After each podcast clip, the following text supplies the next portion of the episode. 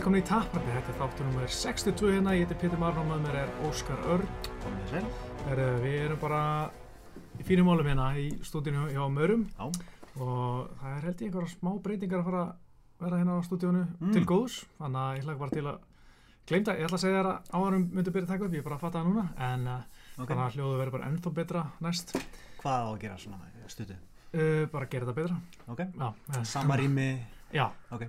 Uh, uh, Kemur nánar að því setna. Mm uh, og hinn fór kannski allir að vita það bara setna Já. en hérna allana uh, við ætlum að tala um auðvitað UC 236 Mm -hmm. aðeins að hækka í okkur glórufætt hljóðmaður hérna og hérna það er núna á lögutin, nú erum við að taka upp á mánudegi Já. nokkur dagar í þetta og við erum bara spenntir ekki Tveir náttúrulega sturglaði bardagar sko. Þannig að já, ég er mjög spenntur. Og þó þetta sé bráðabyrðað interim bull þá, Mhm. þá er þetta það gott stöf að maður, já, maður eiginlega getur alltaf byggðið mikið betra sko. Nei, þú veist, maður er svona er oft með svona, þú veist, það eru skipta skoðunir á þessum interim titlum og allt það já. uh, í tilviki sko báðum tilvikum skil ég þetta auðvitað Mm. og ég er alveg svona finnst þetta verða að gerast bara í meina Robert Whittaker hann varði síðast í júni 2018 Já. mittist í þeim barða Mm. lengi frá áttu þetta berjast í februar bara verði veikur eða hvað meiðist saman dag og áttu að berjast og þú veist getur ekki barist já. Já. þangað til í hvað það er að tala um hann berjast í mögulega í ágúst eða eitthvað svoleiðis Já, ok. það er bara á langu tími, þú veist Já, ég veit ekki alveg hvað ætti að vera svona eðlug tími sko, en mér finnst þetta að vera klálega nægilega langu tími til að réttlega það sko. já, já, en þetta er samt alltaf svona þú veist, að því við höfum séð að það er ekkert alveg garantera þó þú sett með þetta belti að þú fáir upp bardaðan þannig að veist, af hverju erum við að þessu sko?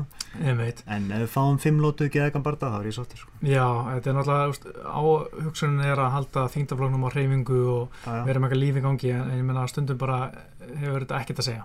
Veist, það er bara, sagan hefur sínt og eins og Tony Ferguson hefur nú fengið að, að Já. kynnast greiði. Meina hann hefur unnið þetta belti, interim belti Mm ekkert fengið fyrir það, er unnið Já. með það ennþá Já, þú veist, örgulega heima þessu staðar. já, og nú er að búa til annað svoleiðis belti, Já. þó að hann sé ennþá til staðar Já. Tony svona eiginlega, sko. En að gæsa alveg, já. ég meina, já, ég, ég er ekki alveg með uppfarslaði hvernig hann er sko en, Nei, hann var eitthvað að segja morgun hann var eitthvað cleared. Ok, hvað þýðir það, ég meina Nef, nefnilega, maður veit ekki alveg hvað það þýðir, sko. þetta hljómaði svona eins og eitthvað sálfræðilegt breakdown Já. og þú ert ekkert að klýra það á einhvern vikum sko. Nei, nefnilega ekki sko. það veist, er og þú veist, miður allt sem að allan ef, ef það sem er rétt að sem konum að segja þú veist, hann var bara gjössalega farin í hausnum þú veist, var að fara með þetta fjölskylduna veist, út úr bænum að því að var flóð að koma út á tunglinu og þannig, það er bara mjög mm. skeri dæmi sko, en að því sögðu þá er þetta bara saga frá einum, einni hlið akkurat sko og maður er til að vita hina hliðina sko. Já. en þetta er svona internet tilbardagar og, og við erum bara að taka því og ég meina, en þú veist kardi sjálft er einmitt kannski ekkert eitthvað geggja frá A til Ö, ég meina ég, oft verið, ég er ekkert svakalega spenntu fyrir þessu kardi en ég er mjög spenntu fyrir bara síðustu tveimur bardanum Já. í heilsina sko. það er óða lítið annað að frétta þarna sko. já, eiginlega ekkert annað svona, sko. uh, þannig sé uh, ef við erum að horfa á bara svona bara skemmtarnagildi og, Mm. og nöfnin og allt það ég heldur endur að það séu alveg barndarnar sem vera skemmtilegir og allt það en, en bara svona þetta eru tveir bara lang bestu barndarnir já, mér finnst alltaf gaman að sjá Alan Joban til dæmis, þú veist, fínt að sjá hann En fyrir hvað sem nánar í, í þá barða eftir Já. og byrjum bara svo skemmtilega. mm -hmm. Það er þetta Holloway Poirier og hérna, þú veist, núna er Max Holloway fjá, ríkjandi fjárviktarmestari að fara Mhm. upp í léttvíkt gegn Dustin Poirier og þú veist, þetta er þetta frábæð barða alltaf en, en ég er svona velti fyrir mér hvort að Max Holloway sé bara búinn í veist, er þetta, ég Já. get alveg trúið að þú veist, Max Holloway takir svona konnulegin á þetta og er svona, ég er ennþá, Mhm. þú veist, mun ekki loka hurðin á þetta en mun ekki fara niður aftur. Hann vil kannski verða champ champ sko. Já, en ég veist hann hefur verið það miklu vandræðum að ná þessari vikt þannig að ég held Mhm. að sé bara fínt upp á hans hilbriði og, og framtíð að, og, og langlífi í sportinu að Mhm. hann haldi sér bara í létti það kannski fyrir eftir hvernig hann gengur svona. já, nákvæmlega sko. ef að Póir er of stór og sterkur þá, þá kannski endur hugsa hann sko. Já, það verið sjokk sko. já, en ég minna hann hefur tapað fyrir honum áður en alltaf er ekki alveg sambarlegt sko. En það er hlutaði sem gerir þetta skemmtilegt finnst mér sko. já, eh, fyrir ekki að segja í hennar bara aðeins á eftir en því að að ég var að horfa á hérna Ortega barðan aftur sem var náttúrulega í desember Já. en svo magnað, þú veist, náttúrulega Holliver var, var öndurdókið þeim barða stórun hluta af að því að menn voru ekki viss um heilsun hans, hvernig hann leiks að því að hann var náttúrulega bara í búin að vera í vesinni ás ári hérna Mhm. í fyrra og hérna náttúrulega fyrst Khabib dæmi náði ekki vikt og hérna í léttvikt náttúrulega náði ekki vikt á hann, núna er náttúrulega með miklu lengri tíma Mm. og svo þurfti hann að draga út úr draga út úr barðanum hann að nokkur dögum fyrir uh, Ortega í júli Já. út af concussion leg syndrome sem engin veit ennþá hvað það var nákvæmlega Mhm. og svo gegn Ortega voru menn mjög efins um að hann væri í lægi og gæti barist en svo kom hann átti bara geðveika framhaustu sko. Sko.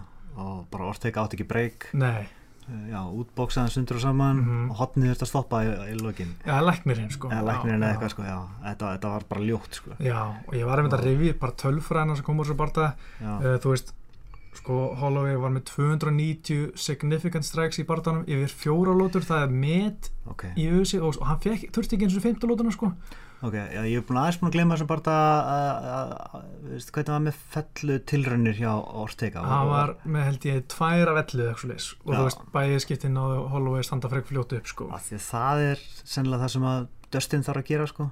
Já, en það er það sem virkaði fyrir hann síðast sko. Eða leða barndaginn fór í gólfi þá var hann með yfirbyrði mm, en Dustin náttúrulega er góður líka standandi sko. Já, ég bara sé samt Dustin ekki já, vera nógu góð wrestler til þess að sjá taka Holloway niður sko. Nei, og heldur eiginlega ekki með það tæknilegt boks að hann geti ég á erfitt með að sjá það sko. Já, sko, en mér langar að klára hann Ortega bara það, að, hérna, þú veist, hann var með sko 50, hann var með svona 40-60 högg í hverju lótu, fyrstu, annari, þriði, Ah. en með fjórðu lótu var hann með 134 högg, significant strike sko, sem voru að lenda, það er rugl. Þú veist, maður myndi halda, þú veist, sérstaklega með kötti, maður svona efisum eitthvað, Mhm, að hérna hann myndi fjara út, mhm. hann bara var bestur í já, mér varst það styrla sko, það sko. Og það er líka met yfir mörg högg Mhm. sem lenda einu lótu, og í að hann er alltaf verið með brjála úthald sko. En, en ég er samfélag, ég bjóst þið út af þessu þá, er það öðruvísi sko en, Mhm. en nei. Og þú veist, ég meina, hversu góður er hann þá í léttut ef hann er ekki að, þú veist, Mhm. svona, hvað, depleita sig, veist, með því að skera niður Já. og hann er bara, þú veist, ennþá ferskar í já, það er spennandi að sjá sko. Ég er bara svona, var alltaf að hugsa um helgina, er hann fara að vera bara besti fættir í heimi í léttut, Mm. Men hann er með ramman í stærri þingdaflokka sko, já. klálega sko. Spurning hvort hann veri hægari, ég veit ekki. Já, en hann allavega hann er með alla tæknina sko. Já, nákvæmlega og, og strækingin alltaf bara svo geðvett og felluvörðin, hann er já, bara, ég hef ekki séð hann á bakinu bara síðan Conor var að taka niður sko æ, svo við muni, það getur vel verið að vild tjóp og einhver svona smágæðar sem hann var að vinna veist, eftir Conor hérna fyrstu barndana það er að Mm. taka niður, ég bara manna það ekki Nei. en, hérna, en það sem líka er gaman við strækingi Holloway, þú veist, hann er svo ógeðslega góður Mhm. að lesa félagina og þú veist, og svona bara setur gildrur og já, counterar og hérna já. kemur með svona góðan hæri krók þegar mann er að stíga inn til dæmis Mhm. uh, þú veist, finna þess að vinkla þú veist, með, þú veist, hann bakkar aldrei í bettilínu, þú veist að búrunu, hann Mhm. bakkar, þú veist, að gera svona eins og kent bara í bóksundra einu, þú veist, bara, bara bakka tvö skrif, svo tekur vingil, skilur, svo Já. breytur stefnu, svo endur ekki með baki uppi veggin, skilur, Mhm. í einhverju vesinni Já. og þú veist, það er eitthvað sem bara er þó að þetta sé á að vera svona basic atrið það er ótrúlega fáir sem gera þetta í, í MMA, Mhm. þú veist, maður sér allt og marga bara bakka bara beint, beint, beint, beint þá hann til að lenda í, í búrunu en hann virkilega tekur hann vingil og finnur sko opnarnir með að taka vingili Mhm. þú veist, það er bara beautiful að sjá það sko. Og líka þegar hann er að fara í skrokkin já, það er, ég elska að sjá það sko. Já, það er alltaf gaman. Og þú veist, bæði bara kemur svona röð högga og Mhm. líka bara svona hvernig hann að stíga inn veist, með svona vinstri krók í lifrina sko, þú veist, Mhm. það finnst mér ógeðslega flott sko.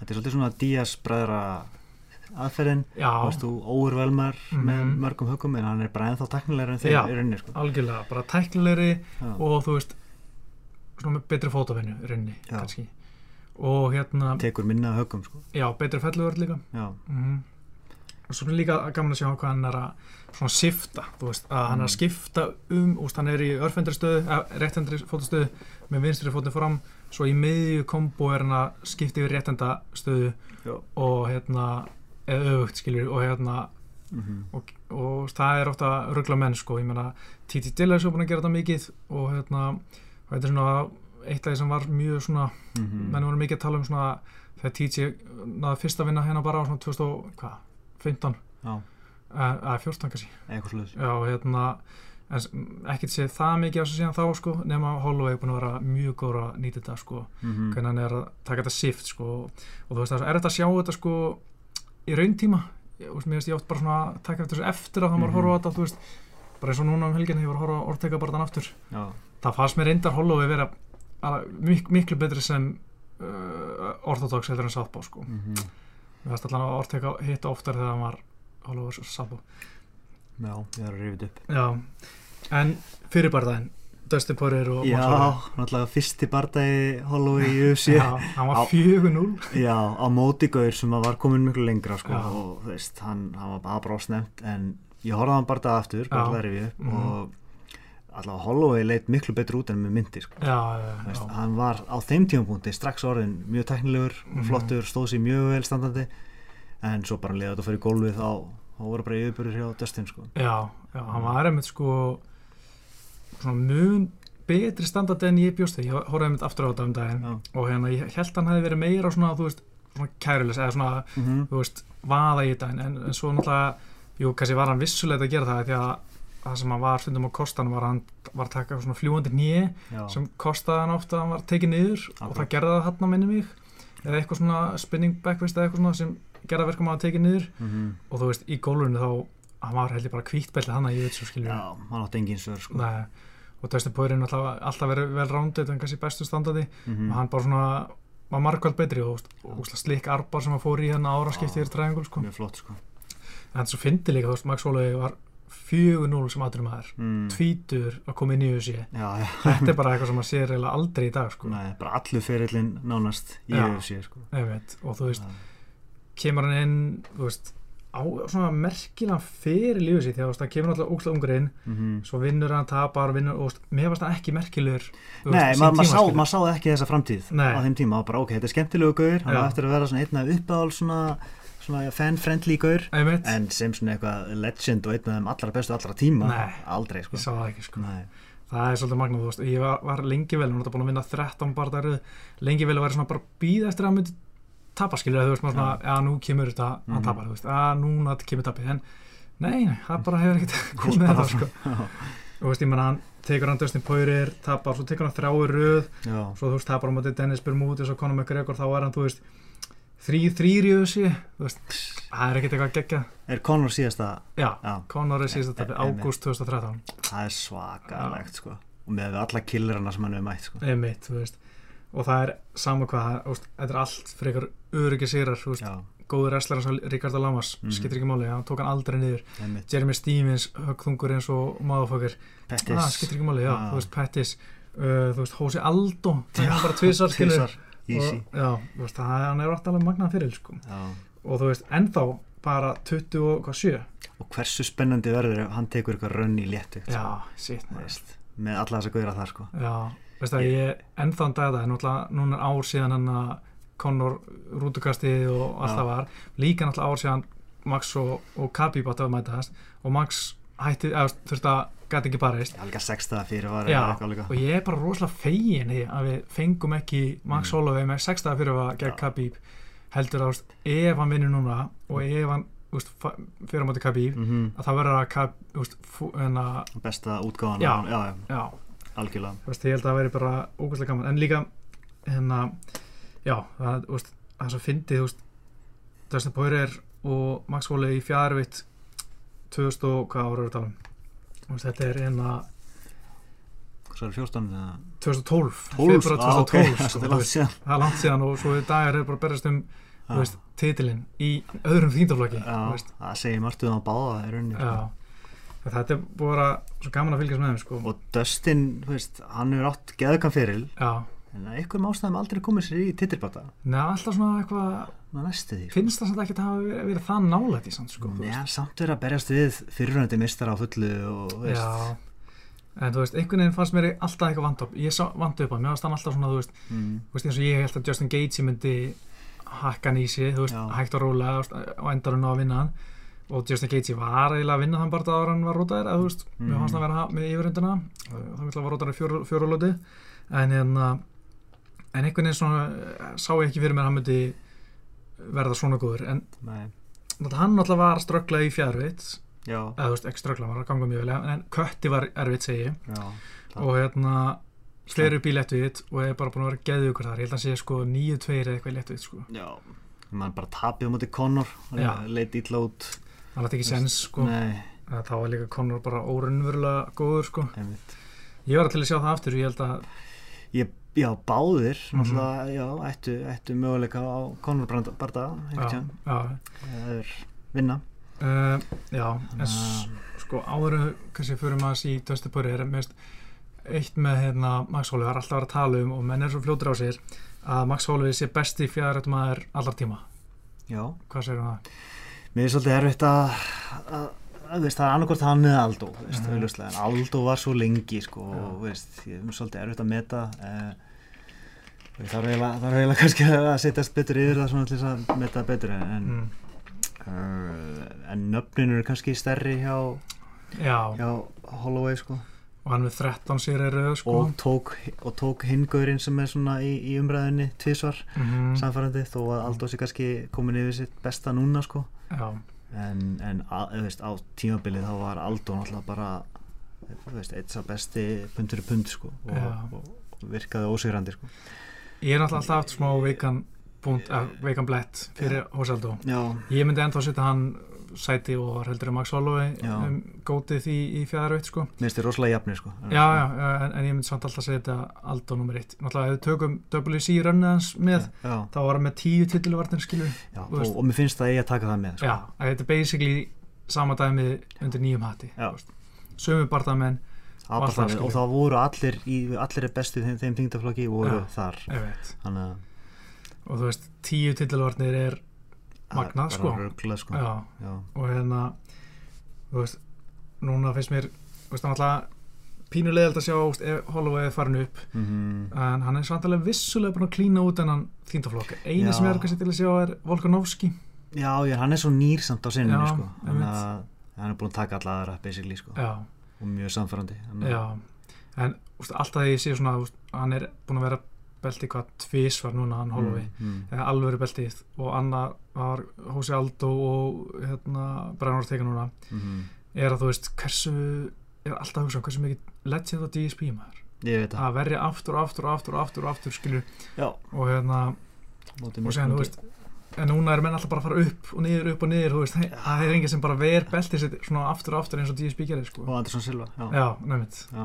það er maður svolítið saknar þess sko. Já, mér finnst það pínuð svona vanta eitthvað svona Já, ógeðsla dómarinn mestara sko. já Það er eitthvað við það. Já, en Dustin Poirier Já, Úst, við erum búin að sjá hann núna úst, hann tók náttúrulega Eddie Alvarez fyrst þannig að þegar það var Mm. DQ bardaginn þá var hann að vinna þann bardaga mætast aftur og það var frábær bardagi hann er aldrei í leiðilum bara Nei, Veist, og kannski að segja saman um Holloway nema þeir eru oft meira einhliða. Já, já. En Poirier er oft, hann lendir oft í stríði og svona, Mhm. kannski þess vegna sem maður sér hann ekki fara alveg eins langt og veist, Holloway og svona. Einmitt, en djúið er gaman að horfa á hann sko. Einmitt. og þú veist, síðustu þrý bardagas hérna Andri Pettis, jú, það var kannski pínu skrítin endir, hann meðast að vera að pakka hann svolítið saman, hann alltaf mittist á raufbyrni hann eitthvað að Pettis Já, bara allt í einu sko. Já, en svo náttúrulega Justin Gaethje og Eddie Alvarez veist, alvöru sigurinn gegn Eddie Alvarez það fannst mér báðir sturlaðir bardagar sko, þú Já. veist, að bara geta farið þú veist, og vinna Justin þú veist, og þarf að grafa svo djúft skilur Já. til þess að fara í gegnum svona stríð gegn Já. Justin Gaethje sko. gegnum helviti bara já, já, og þú veist, vera tilbúin bara þú veist að þú ég var að horfa hann bara aftur um daginn bara lásbyrgi sem hann er búin að taka eftir sko eina lótu og veist, það var bara, að, þetta er bú- þetta er að vera búið sko. en nei, hann bara einhvern veginn að harðar, af sér, sko. já. Svona eins og, eins og Masvidal var að segja um hann í Countdown þættinum hana já, ég var aftur að horfa það. Já, ok, ég horfði bara á það Já. en hann sagði bara he's a dog. Veist, hann heldur bara áfram. Já, og það er algjörlega málið, hann er, hann er með mikið hjarta. Já, og þeir báðir náttúrulega í rauninni sko. Já, og hérna og mér finnst bara svona eins og Dustin Poirier hafa bara vaksið algjörlega upp á nýtt level síðustu tvö ár.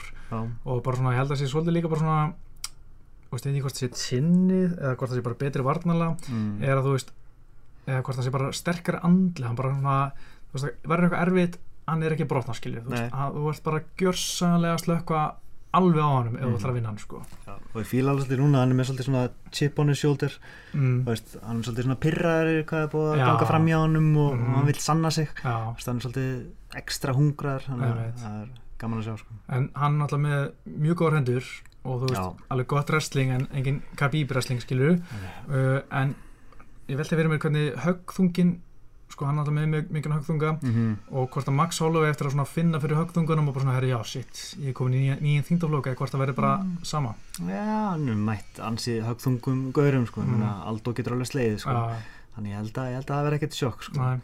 Pettis, hann getur líka slegið, þú veist, þó, Já. þó að sé svona, já.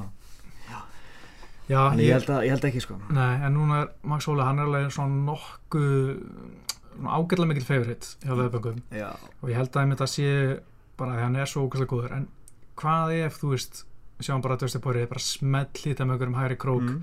og bara Max Holloway hrinu niður, sko Já, þess vegna er þetta spennandi, sko. Já, En ég held að líklegast að niðurstaðan sé að Holloway útboksan og bara Mhm. fattan og veist, bara leikið sér á hann þannig séð sko mm og þurfu ekki að taka mikið af þessum stóru höggum en, en Poirier þar sennilega ekki mörg svona stór högg sko. Hann reyndar hefur ekkert verið svona one punch knockout gaur en hann kemur samt með svona bruising er að sletta rosalega mikið bruising högg sem að eh, telja sko Já, maður sér sko eins og móti Eddie Alvarez eða Mm. Justin Gates að kemur svona eitt þungt yfir hann bara svona Já. byrjar að bakka og svona smávangar mm. svo koma svona miljón höggu viðbúð sem bara klára bara Já, sko. hann, hann nær mönnum svona upp í búrið já, veist, já. hann króar það af miður á, hann hefði bakkað eða eitthvað líka hann hefði endað upp í búrið Mhm, og svo koma á krókarnir sko. já en, og, en ég held að það sé erfitt að króa Holloway af sko. einmitt, og mér finnst líka smá eins og hann sé ekkert eitthvað svona veist, ekki segja hann sé ótæknilegur en mér finnst þetta rosalega mikið svona krókar Já. það er- hann er ekki með eitthvað svona geggja stungu eða Nei. eitthvað þannig en það er þessi krókar svona inside boxing svolítið í vasanum sem hann svolítið að vinna með og, og það verður svolítið ávart gegn svona ég er ekki að kíkja tölunar gegn svona löngum handleikjum hjá Max Holloway sko. Mhm. Já, hann var myndið að tala um Dan Hardy mm. horfður á það. Hann, talaði um að hann set, kemur svona nála þér svo stendur hann svona square veist, svona beint Poirier. bara, já, já. Poirier, bara svona á hlið, bara beint fyrir fram að því og svo bara sveiflar hann krókunum. Já, þannig að hann, er, hann takmarkar svolítið úrvalið sem hann getur komið með Já, veist, en, en þetta er að virka fyrir hann. Uh, ég man líka uh, það var eitthvað myndbata úst, það sem hann að horfa á sinn bara gegn Dustin Poirier. Mm. og hérna og þá var hann að tala um, þú veist, já þú veist, Dustin Poirier hann er með he's got skills en Mm. veist, hann er bara einhvern journeyman já, og þannig var hann svolítið skilur á þeim tíma en, en núna bara einhvern veginn er hann orðið svona allt annað fætur og hann var líka að tala um Mm. að sjálfur hann fyrir að æfa miklu tæknilegra, hann hættur að sparra hart það er bara svona mjög, allt mjög tæknilegt spar uh, meira svona spar til þess að bara finna fjallæðina og tímasetningu og, og þú veist líka þú veist komin þetta level og þarft ekki að fara eitthvað svona hart spar sko. Nei, það er bara, það þýðir bara stuttu fyrir sko. já, já, þetta er eiginlega svona saga þeirra beggja það eru Mm. báðir svona hálgeri journeymen og, journeymen og, og svona, já, náðu lengra overachiever já er- kannski þú veist maður bjóst meira við um þetta Holloway yrði einhver journeyman og kannski ekki alveg orðinu það þegar hann þrý þrýri alltaf var svo ungur sko. já, einmitt 23 þegar þeim tíma sko. ekki neitt sko. Nei. En hann er líka, úst, magna hvað hann duglegur að berjast. Hann er 27 ára, mm. búin að vera í UFC núna í 7 ár Mhm. og hann er búin að vinna 13 barða röð. Hann er búin að, sér, búin að berjast 19 barða eitthvað. ótrúlegt Já, það er spurning hvort að hann, já, hversu lengi að mun þá berjast sko. já maður, það er enda það sem maður velti fyrir sig þegar menn er svona duglegur að berjast. mm. Hvenar, þú veist, hvort það hætti fyrr, brenni fyrr út. já, það fyrir kannski fyrir eftir hvernig hann æfir Mm og ég meina hann er ekki að taka mikið höggum í barduðanum, allavega ekki það Hann tók alveg smá á móti í hann var- nei, móti í Ortega, hann var pínu vankar hann í, í þriðlútu. ok, En annars hefur hann ekki, hann var tilbúin að skiptast að höfum við Ricardo Lamas hann í lokin, hann gerir alveg svona hluti, það Já. já, það er svona elskuð hann já. Uh, en hvernig, hvernig sér hann að barda, veist, heldur þetta að fari fimm lótur ég held að þetta verði bara mjög svipað á Ortega barðaðinu, sko. Bara Holloway með eitthvað vangefi pace. mm -hmm. Uh, Poirier er með eiga sína stundir, örgulega fleiri moment, moment heldur en Ortega. já, En ég held að Holloway muni bara svona útbóksa hann og, og klára hann í fjórðulútu með teknilegur Ortegi. ok. Og ef það heyrist á að vera að vera að bóra henni ekstra á móti gutinni, hann er byrst velveringar á þeim hljóðtröflunum, en ég held samt að, að Holloway taki þetta bara svona tiki og seint, þú veist, já, bara fjórulötu eða jafnvel í fymtulötu já, ég segi bara Holloway á veist hérna held að held að Pói lifið þetta af. Mhm. en ég held að þetta verði einhliða allavega í lókin sko. Já, já. Þannig að það kemur ljós. Já, um, hérna núna eru, já, mánudagar, nokkur dagar í þetta mm. maður hefur eiginlega engar áhyggjur að þetta sé að fara að breytast að, Holloway sé að fara að, þú veist, pulla át eða eitthvað, að því þetta er ekki fjæðarveitt maður er svona nokkur rólur yfir öllu, öllu svona, þú veist, einhverju meðslum og niðurskura kjátaði, sko ég, samt einhver megin Já, þá er ég alltaf með svona smá fyrir að ég, ég, ég já, leiði mér ekki að vera ofspendu fyrir en bara daginn áður sko. Æ, ok, ok. En það er bara maður er of, oft brendur sko. Já, ég, það er alveg rétt, sko. Ferguson lappar um framlengingarsnúru og Einmitt. veist að Já, uh, herri, þá er að næsti borðaði bara, það er uh, Kelvin Gastelum og Ísrael Adesanya. Já, Þetta er einmitt svona, já, herri, gleym eitt. Sigurinn hérna er Já. alltaf að fara á móti Khabib. Sennilega. Og, það ekki? já, en Það er útilokað að fari að verði aftur Conor, þú veist, ég, það er nefnilega sem ég vona innilega ekki, sko, já, ég, það langar engan að sjá það aftur, sko. nei, jú, örgulega miljón manns já, veist, peibrið, já, en veist, það er mainstream Það meikar ekkert sens. sko. Já. já, við erum búin að sjá það, já. veitum hvað gerist það er eitt sem veldur mér áhugjum við erum þetta bara fara að sjá bara sama á gerist til Tony Ferguson eitthvað, það kemur einhver bullshit ásökun mm veist, Max Holloway eða eitthvað, ef hann vinnur er hann að interim champ og hann og Khabib eiga að mætast, þú veist, að Khabib klára bannið sitt í er aftur, september, September, ekki? já. og þá er að fara að berða kannski í oktober eitthvað. Og svo alltaf kemur Conor bara hei, Já, hérna, við langar að berjast eitthvað, tífalt meiri peningar. Já, ok, og þú veist ég er pínur hrættur um að þau myndu henda litla góða Max Holloway fyrir Conor sko, 100% sko, eða þeir geta það sko. Já.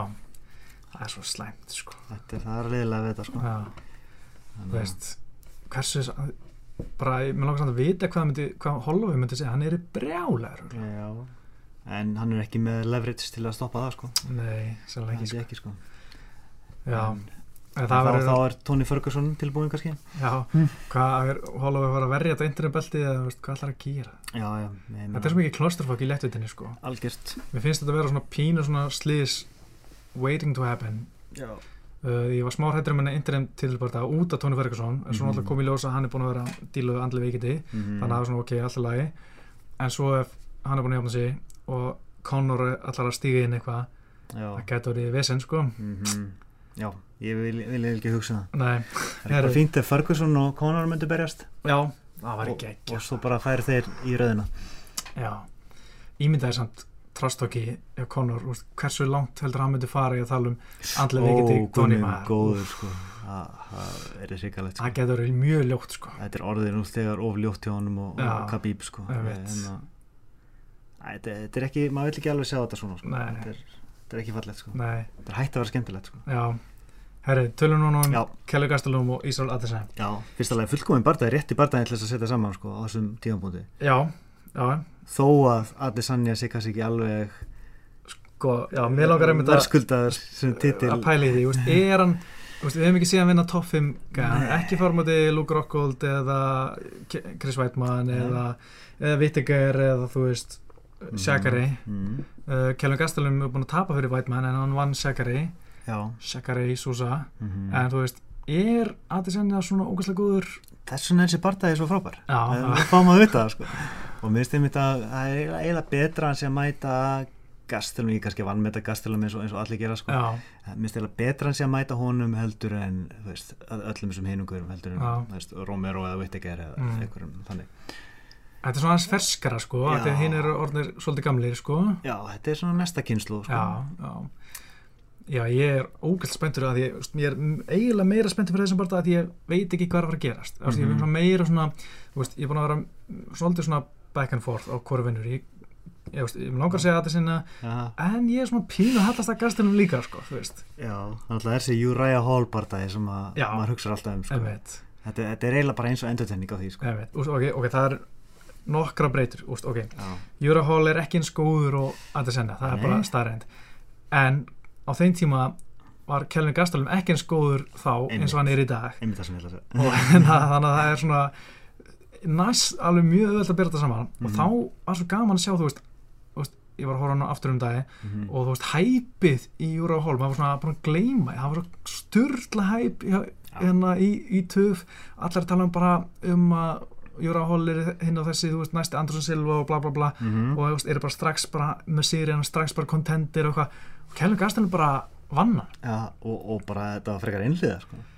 Já, í minningunni, sko, já, hann bara wrestlaði hann í drasl. Sko, mér finnst að já, þú veist, mér finnst Gastelum aldrei hættu. Og þú veist, Nei. með allt þetta hæp hjá, hjá Júra Hall, þá var Gastelum sko, hann var ekki rættur við að skiptast á höggum hann bara stóð með hann og mm bara skiptast á höggum, bara já, kottu bara þú veist, mér finnst það geðveitt sko. En Gastelum þarf þá að glíma hann svolítið duglega Þannig að þá er þetta enn, enn eitt bardagina sem að takedown defense er svona aðal mhm. spurningamerkið sko. en Gastelum er svo að koma með helviti fínt box sko, Já, já, en þú veist, af hverju ætti ágætis boxari Mhm. að fara á móti geggjum kickboxara í MMA það meikar ekki sens. Nei, en, en svo aftur á móti, þú veist, ef þú horfur á bara stílinn hjá Gastelum og bara það sem var að gera svolítið á móti hérna mm uh, Júrafál, hann bara veður í menn bara svona óhrættur, Já, það getur líka gefið að það senni svona mjög góð tækjaverð til að koma með sína nákomi högg og þú veist Mhm. bara virkilega meitt. Gastelum bara snemma ef, ef Gastelum er svona veður inn svona, þú veist, óhrættur sko Mhm. Já, já Khabib náða kýla Conor já, já, nákvæmlega Það er oft sem að já, það snýst við sko. ég var einmitt að pæli, þú veist, hvort að einmitt Gastelum kemur með bara einhverja þú veist, feikar döpuleiki kemur yfir með Já. yfirhandar vinstri og bara búm, þú veist, til að það klikka Já, það var ekki auðvitað, sko það er margar breytir í þessum barda og Já. þetta gæti orðið svo margt Já, nefnilega, sko. Veist eiginlega ekkert hvað þú ert að fara að fá sko. mm en svo líka skemmtilegt með, með hérna, Júra Hall og Gastelum að þeir bara búa saman í dag held ég minna að hafi verið fyrir síðasta Já. hérna, að þá voru Júra Hall, Hall og hérna, Kjellur Gastelum bara heima saman heima að spila töluleikin skilur við sér leikin og, og þeir æfa mikið saman í dag Mhm. held ég alveg öruglega og ég held að Júra Hall sé einn af þeim sem er sko miklu betur á æfingum heldur en í keppni þannig að ég held að Mhm. Gastelum komur öruglega frekar vel undirbúin undir það sem Adesanya er að gera já. með því bara að fá Júra Hall til að hjálpa sér svolítið sko. Alltaf fullkomin æfingafélagi sko. Já, Já, góð búndur sko. Já, en Adesanya hefur litið fáralega vel út sko.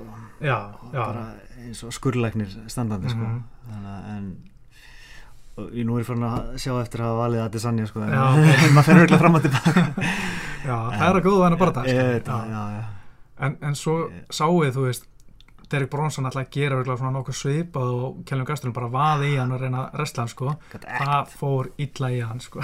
Illa fyrir. Bronson en ég held ekki að sko Kjellum Gastelum sé margkvælt betri í því sem hann er að gera heldur en Derek Bronson við höfum oft séð Derek Bronson vera bara ángast eins og okkur trúður þannig að pressa menn eins og mútið vitt ykkar já, nákvæmlega Ó, hann er með bara hljóp á hann já, og þú veist, hann veist að vera að gera svona svipað hluti á móti, Já, móti að það senna og maður bara svona, Mm. hvað ert að gera drengur? Já, og Já, kannski, þú veist, ég held að einmitt Gastelum sé ekki alveg svona rosalega rekles eins og, eins og Bronson. Nei. Uh, þannig að það verður erfiðar held ég fyrir, fyrir hérna, Adesanya held ég að, mm. að countera það, það sko. Já En Adesanya er ennþá bara svo óskrifa blað Já. Þó við höfum síðan, veist nokkuð já. Veist, Það við vitum ekki hversu góður hann er sko. Nei, ég er ennþá pínu svona, þú veist, tilbaka sko með að setja hann Já. á einhvern svona sama stall og mm. Romero og Whittaker og svona Já, það er alltaf þannig Ef maður er Já. ekki búin að sjá nóg mikið sko. þangar til annað kemur í ljós Já, þú vilt sjá Þú vilt fá svona góða 5-6 barda á móti elítu til þess að meta Gaur, sko, veist Já, bara tvo er nú held ég. Já, það er tvo, Já. veist Og þú vilt fá, veist, nokkra tegundir af anstæðingum líka. Já, já, Veist. algjörlega. Ef hann væri búin að vinna, þú veist, Whiteman eða eitthvað þá, Já. þá væri öðruvísi, sko. Það var annar hljóð í manni, sko. Já. Eh, Þó að maður sig kannski aðeins svona miðlega en, en, en það væri samt alveg klárlega, myndi segja manni meira sko, Já, heldur en Derek Bronson og Andersson Silva. Já. ég líka velti fyrir mér, veist, kannski var þetta ekki plani hjá UFC að þú veist að hérna, að gera þennan tillibartæti náttúrulega viti ekki átt að vera belti þannig gegn gastelum, en þú veist af hverju var að sérna hendi Andersson Silva, þú veist, þetta var gaman Já. en það gerði ekki neitt fyrir hann. Kannski, jú, kannski gerði svolítið fyrir prófílun hans mm. en þú veist, eitthvað svona það sagði mér rosalega lítið um Adesanya sem bardamann. Já, voru ekki meira að hugsa um þetta mitt, prófílinn Eh, fólk, fólk sér hann vinna gamla stjörnu. Jú, það var svona að röbbast aðeins á hann en, en þetta stundum er líka bara gaman að fá svona skemmtilega barda sem að Já. veist, er sjónaspil sko. jú, en stundum ég velti fyrir mér að matchmaker í USA og vilt tjekka hvort þessi gæði sér tilbúin í það bestu. Já, myndir ekki að sé vilja henda honum í top 5 gæði frekar já en, En þá getur kannski, kannski, já, við voru hrættir um að myndi tapa sko. já, já, þannig að það, kannski er þetta hæp bara fyrir ekki neitt en búin að vinna Andersson Silva og Derek Brunson. Mm, það er alveg eitthvað. Er eitthvað. Og Brata Vares, ég var alltaf mikið álega á Brata já, sko. það, já, ég nefnilega held að það er svolítið svona, já að þar myndu sjá mögulega að þess að tapa já, já, en, en hann átti ekki breyk sko. nei það var impressive sko. þá var ég komin á lestina sko. já, já, já líka pínu fyndi með uh, Adesanya mm. er að þú veist, hann er alltaf að tala um að fara eitthvað frí hann er búin að vera ógeðslega duglegur að berjast hann talar um hvern einasta bara dag að Já. nú tekið mig frí, svo kemur eitthvað fyrir auðvitað og hann bara, herru, ok, til í það og miklu peningar já, veist, hann kemur í nýðus í februar 2018 mm. svo tekur hann april, júli november, Mhm. februar og april þetta er alveg þétt að skrá sko. það er hann sem mikið sko. já, já. þetta er svona, þú veist þú veist, það er kannski John Jones og Connor sem að vera með svona hæp, það sem er svona duglegur að berjast sko. Mm er hann fara að vera Með þetta nei, hæp? nei, efur hann er ekki fara að halda þessari nei, nei, nei, en, Nei, en nei. heldur hann komast á svona eitthvað samanstall og Connor og Vá, John er, Jones. það er ofljótt að segja sko. en þú veist, kannski spurum á mándaginn sko. en ég er einmitt svona, þú veist trúið smá að hann sé, þú veist svona sérstökur að hann geti, þú veist orðið eitthvað, hann, alveg þeng, sko hann lítur út eins og bara allir pakkin sko. já, geti orðið stórstjarnar sko. já en geti, geti líka orðið eitthvað En svo- sko. er þessi litli Kjellum Gastelum já, þessi þyfni millétamaður sem er alltaf að vannmynda og afskrifa já, kannski er hann bara að fara að taka sko. Já. Ég er að hallast að því sko. og kannski er hann að fara að taka út ykkar líka skilur, já, veist, ég, veit, ég var mjög stressað fyrir þann bara það já sko. þannig að já, hann hefur komið óvart á þau sko. Já. Já, en mér finnst hann sko þó að Gastelum sé veist, þú veist, sé svona pínu að tippa hann þá fannst mér hann vera mjög þreytandi eftir að veit ykkar púla át veist, með eitthvað belti þarna sem að Æ. kefti í sjoppinni og og veist, og láta eins og hann væri alveg bestarinn, veist, auðvitað ok ég veit alveg hvað hann var að gera, þetta var hjá hann að halda sér í umræðinu, svo þú veist já, svo að Adesanya hefði ekki, þú veist, fengið tillabarðana eitthvað, Mhm. en bara, það er eitthvað svo, já, ég Það fekk bara svona það var svona cringe. Já, hann og Henry Cejudo eru bara flotti saman, bara kongar cringeins það er það er allt svona líka, veist ég veit ekki í okkur, ég núna hugsa, finnst mér alltaf að vera svona smá úgesluður, af því að hann var svona jafnast eftir eitthvað sýking og eins og var með ringorm hana í Já, andlitinu. uh, það held bara svona, uh, ok. Ég veit ekki hvað það er sko. Nei. en ok, tölum þá um restina kartinum já, sko það er Erik Anders og Khalil Roundtree. Það er ekki að kveiki mér en verður örgla allt í lagi. Það er nefnilega pínu ekki mér sko. Ok, að því Khalil Roundtree er drullu högtungur Mhm. hann ætlar að halda svo standandi og skipta stökum Erik Anders getur gert það líka. Já, ég held að þetta veri slagkvæst sko og ég er spenntur sko. Ok. En mér finnst Erik Anders ógeðslega skrítin típa. Mhm. svona ég fyrir að hugsa út í að það sem, ég var að hafa með svona Ask Me Anything á Reddit um daginn. Eða úst, fyrir tveimur hún, það var svona frekar nýri í þessi Mhm. leiðilegsta Ask Me Anything sem ég séð hann sagði svara bara svona neip, japp, það er Já, bara fínt ok. og ég bara svona, af hverju er þetta að gera þetta allar ekki svona svara samlega sko. það er borgað kannski það ekki, sko.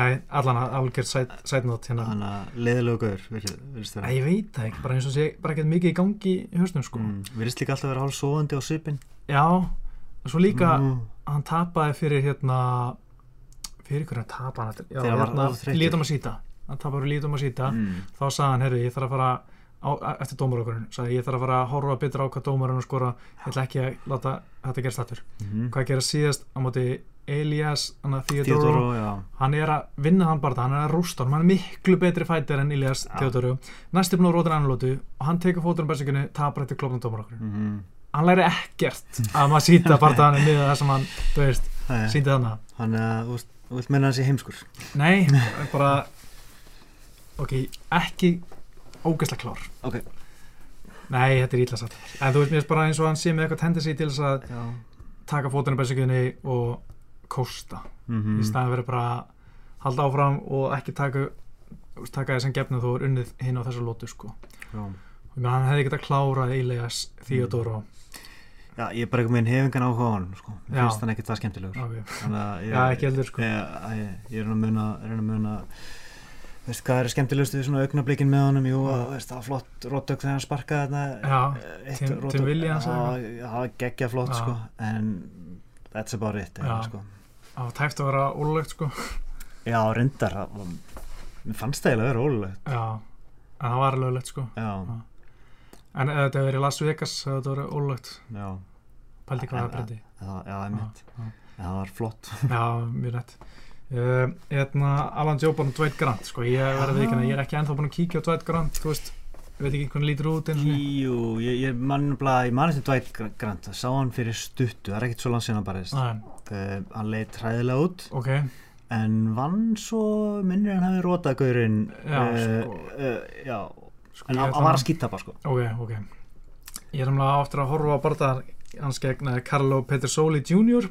Ok, Uh, við ætlum að sína eitthvað úr honum í búrunni á fimmdæðin en ég er ekki ennþá búin að horfa á barðan sko. ég veit bara að hann endaði með rótöki fyrir Dwight Grant. mér finnst allan að Dwight Grant, hann líta illa út, hann virkaði styrður og vandræðilegur Já, og bara ekki góðu fætir Ok. og ég held, að, ég held að Alan Chuba hann eftir að þó að, þú veist, já, ég held að hann eftir að taka hann, þannig að kannski er rátt fyrir mér, sko. og mér finnst alltaf gaman að sjá svona gamla Gunnars anstæðinga maður er alltaf smá soft spot fyrir þeim sko, maður vill alltaf þeim gangi sem allra best. Nákvæmlega, sko, það lítur þetta betur út sko.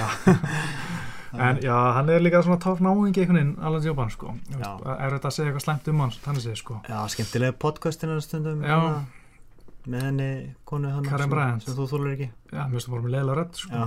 Og lí, jú, líka margt annað við hana sem ég fíla ekki. En skiptir ekki máli. Myndalegu ná ekki já, já, haukulegu strákur og, og hann er, úst, minnst hann verður ofta að gera margt rétt en kannski ekki alveg með talenti til þess að komast lengra sko. Nei, uh, Einmitt. já. uh, Þess, já, Owen St. Prú Nikita Kralov þetta er eiginlega svo barndagi sem ég er mest spenntu fyrir. Ok, fyrir utan allt hitt sko. já, uh, ég hef alltaf gaman að Nikita Krylov sko. Og hann alltaf kom tilbaka í þessi fyrir stuttu og tapaði þegar hann kom tilbaka en Já. hann er samt hann er algjör killer sko. já, og, og þeir hafa barist áður jú, og hann einhvern veginn leti sig dett inn í fræga eh, Von vonflúkið. Já en já, sko, Nikita Kralov, þetta er mest random fighter í þessu þetta, hann er alltaf bara að gera eitthvað við sko, já, og oft bara gengur að drullu vel, Já. ég meina maður á móti Fransimar Barroso, mm, hann skallaði bringuna á hann tvisar, bara svona, hvað ert að gera, þú veist, þú veit að það að skalla bringuna er ekki að fara að gera brjálaslega mikinn skada fyrir því og það þetta er kóla ólegt, það er ólegt að ska- skalla bara frá því, frá upp að því næst í því. Einmitt. og svo hérna á móti Owen St. Prú, þá fyrir hann í þetta eitthvað ógeðslega liðlega gilotíminn mig Mhm. og endar á að vera svæður með Von Flótsjóki, sko, þú veist, það var bara er þannig að fight IQ er kannski ekki alveg það en er mér finnst það samt við skemmtilegur sko. Frostmark Já. en það er ógeðslega gaman Já. það er ógeðslega gaman á hann oft sko, að hann og Tim Williams nei hérna Erik Anders getur kannski verið að berjast eitt aðeins og já, það getur verið mjög randobartæði mm, en ég meina, þú veist, þetta er einn af þessu gæjum í léttangveit sem bara er aldrei að fara, að fara neitt sko, nei, en það er gaman að hann sko. já, að ég mun alltaf að var gaman að krælu og þó maður sé kannski hissa á því eh, sem hann er að gera eða Mhm. ákvarðan sem hann tekur já þá hefur maður gaman að Já, ég meina, mér langar að sjá hann á móti, Anthony Smith og öllum þessum gaurum, sko. já, já. Ég man samt mjög lítið eftir Blackwood Spartanum sko, ég man bara hann tapaði, ég man ekki Mm. hvort, hvort hann tók eitthvað heimskuleitar eða ekki. Nei, skildur. En og svo er prílins ekkert neitt mikið spennandi, ég er spennt fyrir Curtis Millender og Belal Muhammad, Já. uh, Millender er svona uppkomer Já, Millendir, þú Eh. veist, hann barist fyrir mánuði síðan, sko. mitt gegn Saleski. Já, mikið svona, uh, já, mikið svona efni, Mm en, já, tapaði og, og hann bara söppaður, hvað er fyrstu lótu? Já, hann var bara að pakka saman að Saleski. Já, hann, uh, svartbeltingur held ég í YouTube, Já, hann tók hann bara niður og... var bara öðru leveli, sko. Já, En greinilega vill ná sér tilbaka Já. og kemur strax aftur, sem er bara flott merki, veist, Mhm. en vonandi ekki ofljótt fyrir hann. mm Já. En svo kannski verður við að nefna minna, eins og sko, eitt barndæði sem er algjörlega falinn á kartinu uh, tveir sko topp 5 gaurar í þing, þingdaflokki Já, Serðu þann barða? Wilson Hines Já. og Pantoja. Og Pentosia Topp 5 Já, veist það, Og- mér finnst top 5 samt segja ekki neitt lengur í Nei, ok, helmingurinn er farin, skilur. ég veit það En yngu síður Já, Þetta eru tveir gaurar, báðir í topp 5 já. Og þeir eru aukst þar í miðju prílims Og það eru öllum skýt sama Sko, mér er skýt saman með Wilson Hines. Ég Já. veit ekki hvað er við hann, hvort það sé þessi hormotta sem hann er búin að vera með hérna stundum. Það er eitthvað við hann sem bara, mér langar ekkert, ég er mjög gaman að ég að sjá. hmm. Uh, svo Pantoja er bara svona, Hann var oft skemmtilegur já, en þú veist, einhvern veginn, er all, ég man satt mjög lítið eftir hann. Pentosia, þetta er að vann hérna Ultimate Fighter Og Já. svona, þetta er svona mjög lifandi guður sko. Sem er með eitt tap. Já, já, hann er hvað, UFC. fjórir einn, já, fínt. Já. Hann var í, já, nú mann eftir hann, hann var í Skotlandi, alveg rétt. Já, já, Þannig að þetta geta alveg verið fýtt barndagi sko. Já, já, já, já, þetta er auðvitað bara fínustu bara það um, Er þá ætlum við að segja skilið þetta kvöld. Uh, Ok, það er tvent sem við langar að ræða í lokin. Mm uh, Byrjum á því að það er Conor McGregor. Hann Ok. alltaf sagðist þér hættur Við kofurum aðeins hann að tókum ringbors umræði hann um daginn Já. En, úst, við erum það er allir á því að hann sé, sé ekki hættur og ég held að það sé bara tímaspjörsmál hvenar hann komið með eitthvað Þú var hann ekki búin að bakka það? Já, hann svona sagði eitthvað tveitir síðan í óttakon eða eitthvað, þú veist En mér langar er bara ekkert að sjá hann aftur, skil Nei, maður er eiginlega búin að fá nú alveg í billi sko Já. Og líka þetta tvittistríði var svo ljótt hann Mm, á. Khabib og Conor Þú veist, þetta er ekki að, þetta er örugglega að selja eitthvað barða á alltaf en þetta bara, þetta fara svo langt yfir strikið, sko. Já, að ég er bara svona, ah, þú veist. Ma- maður fengi allir bara eitthvað með svona eitthvað óbræði munnun sko. Já, Þetta var eiginlega bara komið ágætt sko. Svo er bara endalaust af slæmi fréttum af Conor bara vikulega, sko. Já, Núna sá ég eitthvað í morgun, uh, reyndar í The Sun, þar sem hann hefði kýlt eitthvað aðdánda það er gilt að honum. Aðarum, ok, já uh, ég sleppti því að smetla á leikinn sko, Já, ég, sama hér sko. En uh, svo er náttúrulega bara eitthvað að síma hjá einhverjum gæja, svo er hann nöðgunamálið í Írlandi. Uh, þú veist, það er endalust svona vísinni sko, Þetta er verða bara eitthvað svona John Jones stemmi sko.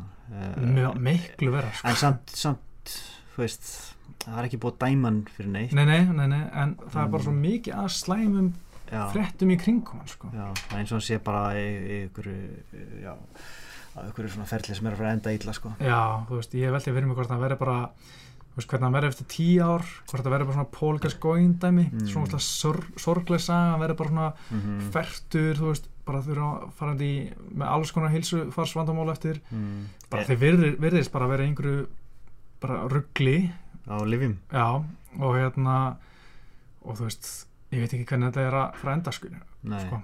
kemur ekkert óvart að hann er bara drepinn, þú veist, á hverjum nætuklúb, þú veist, já, bara Tupac, já, Tupac og já, Biggie, Biggie já, það væri nú styrlamæður já, en, já, maður veit ekki hvað að gerast í kringum sko, það, veist, auðvitað langar mann að fá hann aftur bara sem bardamannin sem hann var Já. og bara berjast reglulega, Mhm. að geta já, en ég held að það sé bara ekki möguleiki, það er alltaf að fara, allt í kringum hann er að fara að vera allt annari stærra gróðum sko. já, hann er kannski bara ef hann fer eins og Ronda Rousey, WWE, já, eða eitthvað, þá bara getum við einbytt okkur að ykkur öðru, já, hann er búin að rosalega duglegur á Twitter.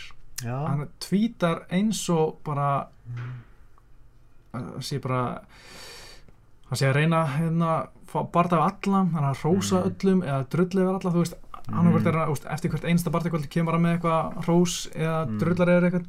Og úst, ég ve- veit ekki hvað þetta er kannski Nei. er hann að reyna að beina aðteklinni að einhverju öðru heldur en slæmum málum, ég veit ekki. Einmitt, minnst það er rosalega út um allt, einn daginn er hann að móðka hinn er hann að bjast afsökunar, já. Svo er hann að segja af sig eða set- segjast þér hættur og svo er hann eiginlega komin aftur. Mm þetta er voðalega eitthvað þetta er margt skrítið í gangi hérna sko. ég veit ekki hvernig þetta er að fara að enda sko.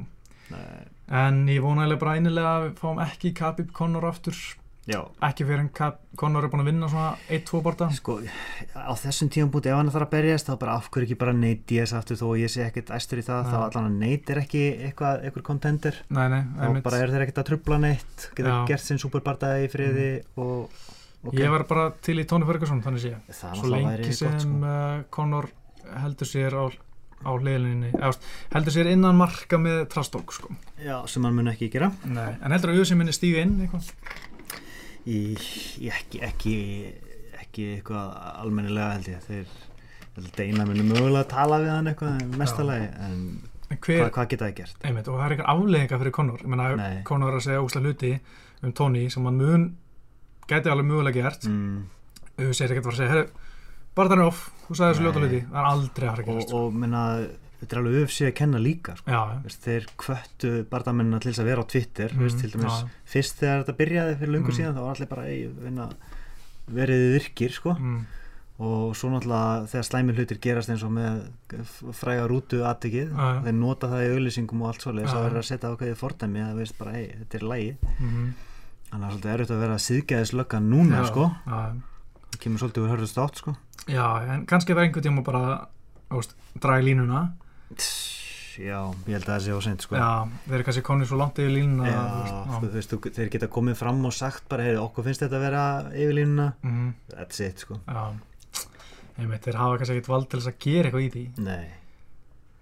En maður spyr hvort það, það sé eitthvað lína, sko. Já, hann var hann kallaður nöðgari mhm, sem að er náttúrulega mögulega ljótasta sem eru séð í svona já eh, ég veit ekki ef eitthvað myndi kalla svartan mann enn orðinu, mhm, þú veist. já, hvað, hvað, er, hvað er að vesta, sko, sem er eftir að segja? Já, I don't know, nei, ég er ekki með svör. Nei, ekki heldur. En það var allan að áhverð að sjá hvað hvað þú ætlar að gera með léttvitina og þú veist, vonandi verður bara að hóla við að póri er á móti Khabib sko. Já það væri náttúrulega drauma niðurstaðan, sko. Já. En, já Hey, ég bara spá í, í því hvað er Ferguson er tilbúin og, og að því að ætti hann ekki vera framar röðin Jú, 100% sko. en þú veist, ég veit ekki hvernig er alltaf að leysa þetta þetta verður eitthvað vesen sko. Já, en ég meina, ég held að Tony Ferguson er örugglega alveg sáttur með að fá Conor Barda, þú veist. Ég jafnvel bara neitt días bara það Já, ég er alveg hættur að pæla í neyti þess sko. er þeir ekki bara, þeir báðir þeir vilja ekkert berjast? Jú, og þú veist, ég þól ekki að vera alltaf að tala um Nick Diaz Finnst alltaf lægi svona af því að það stýttir síðan hann bara en samt er að, veist, þetta í veist, það eru tvö ár sko. Nick er bókstala búin að segja að hann vill ekki berjast. Já, já. Þannig að En að láta þið friði. Já, þeir eru bara efnaðir ungir menn og þurfa ekkert meira og... eða peningur í brennivinn og, Og gras. Já, það er bara að hafa það röglega fínt sko. Mm enn sem komið er allan. Já. Já, en uh, herru, eitt í lokin árum fyrir maður slúta þessu. Mm, Ber nokkur boxing? Já, Hvað finnst þér um þetta? e, þetta er ekki fyrir alla. Nei. þetta er ekki fyrir mig. Nei, og ég sá bara highlights af, af Lobov og hvað hann heitir hérna uh, Jason Jason Knight, já, já. og það var svolítið brútal sko.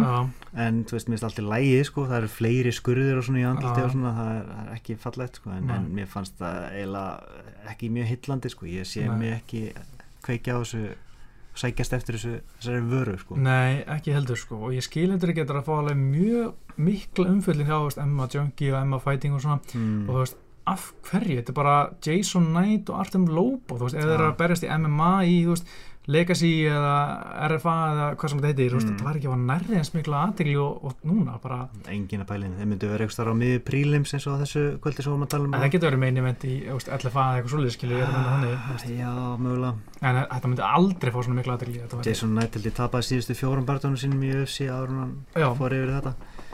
Sko, mér finnst þetta mjög skrítið allt, sko. Bara svona, þú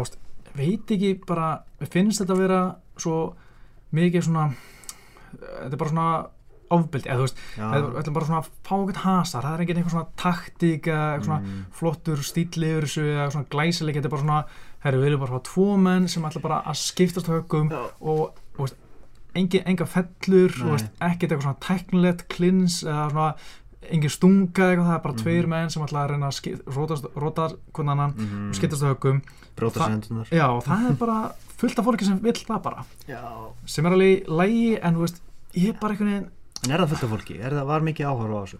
Ég veit að það reyndir ekki sko. En mér finnst alltaf að margir vera að tala um að þetta væri þessu geggjöf fætt og gaman hans og alltaf sko. Ég held að þetta sé bara svona eitthvað nýtt og fólki finnst það svona pínu spennandi. Já, en svo held ég að það muni dvína sko. já kannski sko. Ég man líka sko, þú veist, mér finnst þessi promóterar vera rosalega iffi mm. fyrsta lagi fyrir að gefa honum hérna Chris Liebenbarda Já. að koma til hans, þú veist, hann er gæði sem er svo löngu vera hættur. Mm bæði búin að vera með hjartavandamál og þú veist CTI er eitthvað pottið búin að oft rótar en svo svona siðlust að gefa honum bjóða honum barða -hmm. auðvitað er hann er hann uh, veist, hvað sem, hann ræður því hvað hann gerir og hann tekur þessu ákvörðin sjálfur að berjast en mér finnst bara svo eitthvað ógeslegt við að gefa mönnum sem bara að taka svona, svona mikið skada barða að, til að selja eitthvað pay-per-view þú veist, Mhm. auðvitað fá þeir eitthvað borga fyrir þetta en þú veist, þú ert alltaf að græða þessu já, sem promótir sko þetta er mjög gráusæði sko. Og líka þú veist með þú veist þetta Pólimann Nazi og Arten Lobo þetta er svo astanlegt maður þú veist, það er að rífast hann og þú veist Pólimann Nazi er leiðalegsti maður sem ég nokkuð tíman bara Mhm. hitt, séð í MMA umfjöllin hann var aldrei vinsall í bóksinu sko. nei, ég er ekki hins á því og ekki skemmtilegu bóksar í runni engin högþyngd og alveg, alveg flinkur sko, hann var aðalega góður greinandi. Það er eiginlega besta sem ég sé að gera sko. en frekar leðilur og þetta er eitthvað svona, þú veist, og líka promóterinn sagði þann að ára eitthvað að hann kom inn í ringin og sagði, við viljum aksjón og þessi gæði hérna Jason eitthvað mm. hann fær bara helmingina launum sinum að því að hann ger ekkert um að hlaupa allir tíman og maður bara ertu að grínast í mig sko. og það er ekkert komissjón á baka þetta sem getur eitthvað svona, herru, nei, þú má- mátt þetta ekki Nei. þeir eru bara algjörlega í einhverju vilda vestri hana en svo tók, hann dróði það tilbaka promóterinn, hann sagði að hann hefði verið mist sjögnublikinu, hann rætti við bardamannin og þeir, þú veist, voru sammála með og ósámála og hann Mm. fær launin sín, en þú veist bara allt svona við þetta sem ég veist bara eitthvað iffi Mhm. og ég skil ekki ákveð þetta að fá svona mikið miklu umfyllin eitthvað. Já, bara og líka smá partur af mér líður eins og ég sé fólki í komandi sem segir MMA er ekki íþrótt mér finnst þetta smá eins og ég sé orðin ég, sú ég er típa nefnilega, ég sko. vil fara mjög varlega í að segja það að þetta sé ofbeldi ekki íþrótt Já. eða svoleið sko, en, en, en mér finnst það samt vera svona skrefi og langt sko, bara, veist, það þurfa að vera einhverja reglur sko. já, og þú veist, en einhver síður, þú veist, ef þeir vilja gera þetta og ef þetta er regulatað Mhm. og það er markaði fyrir þetta þá ætti það að vera í lægi er, er það ekki jú, jú, algjörlega en mér finnst bara svona veist, ok, af hverju byrjuðu menn að vera með bóksvellinga á sínum tíma já, Þú veist, öruglega til að koma í veg fyrir skurðiði og gera þetta kannski að meiri íþrótt, veist já, bara brjóti ekki á sér hendunar sko. já, og þú veist, núna er menn komin, komin aftur í eitthvað bera nokkuð dæmi já. og þú veist, það sem hefur kannski ekkert meiri heilaskaða í för með sér að því menn eru bara fyrir eitthvað líklegri til þess að fá skurði og bróta sér hendunar og kýla Mm. kannski ekki af eins miklum högþunga Mm. en þú veist, að ég er eitthvað svona þú veist, að því að maður þetta er vantar svona, þú veist, eitthvað regluverk og hvað sem er svona uh, svona gegnum lýsandi, skilju, hvað sem er. Já. eitthvað svona sínleika baka þetta Mm. maður, maður er ekki alveg, maður treystir ekki fólkinu baka þetta. Nei. mann líka, það var einhver annar fætir en að Phil Baroni eitthvað tala um, hann hefði ekki fengið borgað það er líka siðlust annað bjóða honum bara það er svo margt en, rámt en, við þetta en er þetta ekki bara svona eitt af þessu klikka sem er alltaf í gangi veist? það er, er hóp MMA bara það eitthvað já, ég það er ekki fengið svona veist, Nei. ekki í svona mainstream síðum, sko en það er og fólk bara prófa allt sko. ég efast Já. um að þetta verið langlíft sko. já, Meni, ég sá einhvern tíma á History Channel riddar að vera að berjast með, með sverð í brinnum í alvöru sko. þeir Já. voru að berjast sko. já, það er náttúrulega M1 Global var bara með það um tíma, Já, sko meni, það er til svo mikið klikka sko. Já. og ég hef með setja bara það sko. já, ég, þú veist, allan að vill ekki fjallum þetta MMA-frétum, sko, Nei. þó ég að tala um þetta hérna Einmitt. Mér finnst þetta bara einhvern veginn vera allt annað sem á að geta heima með Mhm. öðrum íþrótum eins og boxi og jútsu og MMA, þú veist. Já, það er samt alveg rétt þegar við hljómum eins og fólki á það. kommentarkerfinu Já, finnst það mjög skrítið að upplega þetta, sko. Já, kannski eru við mennirnir Já, og ég er ennþá eld- eldri maðurinn sem að, veist, skilur ekki hvað nýja kynslan er að gera sko. Þessi tónlist sem krakkar eru að hlusta á í dag, þetta er ekki tónlist sko. Það er bara við núna. Herri, við erum bara allir segðu gott. Við erum spenntið fyrir helginni. já, Ég heiti Pétur ég heit Óskar og þökkum áruna og verið sæl.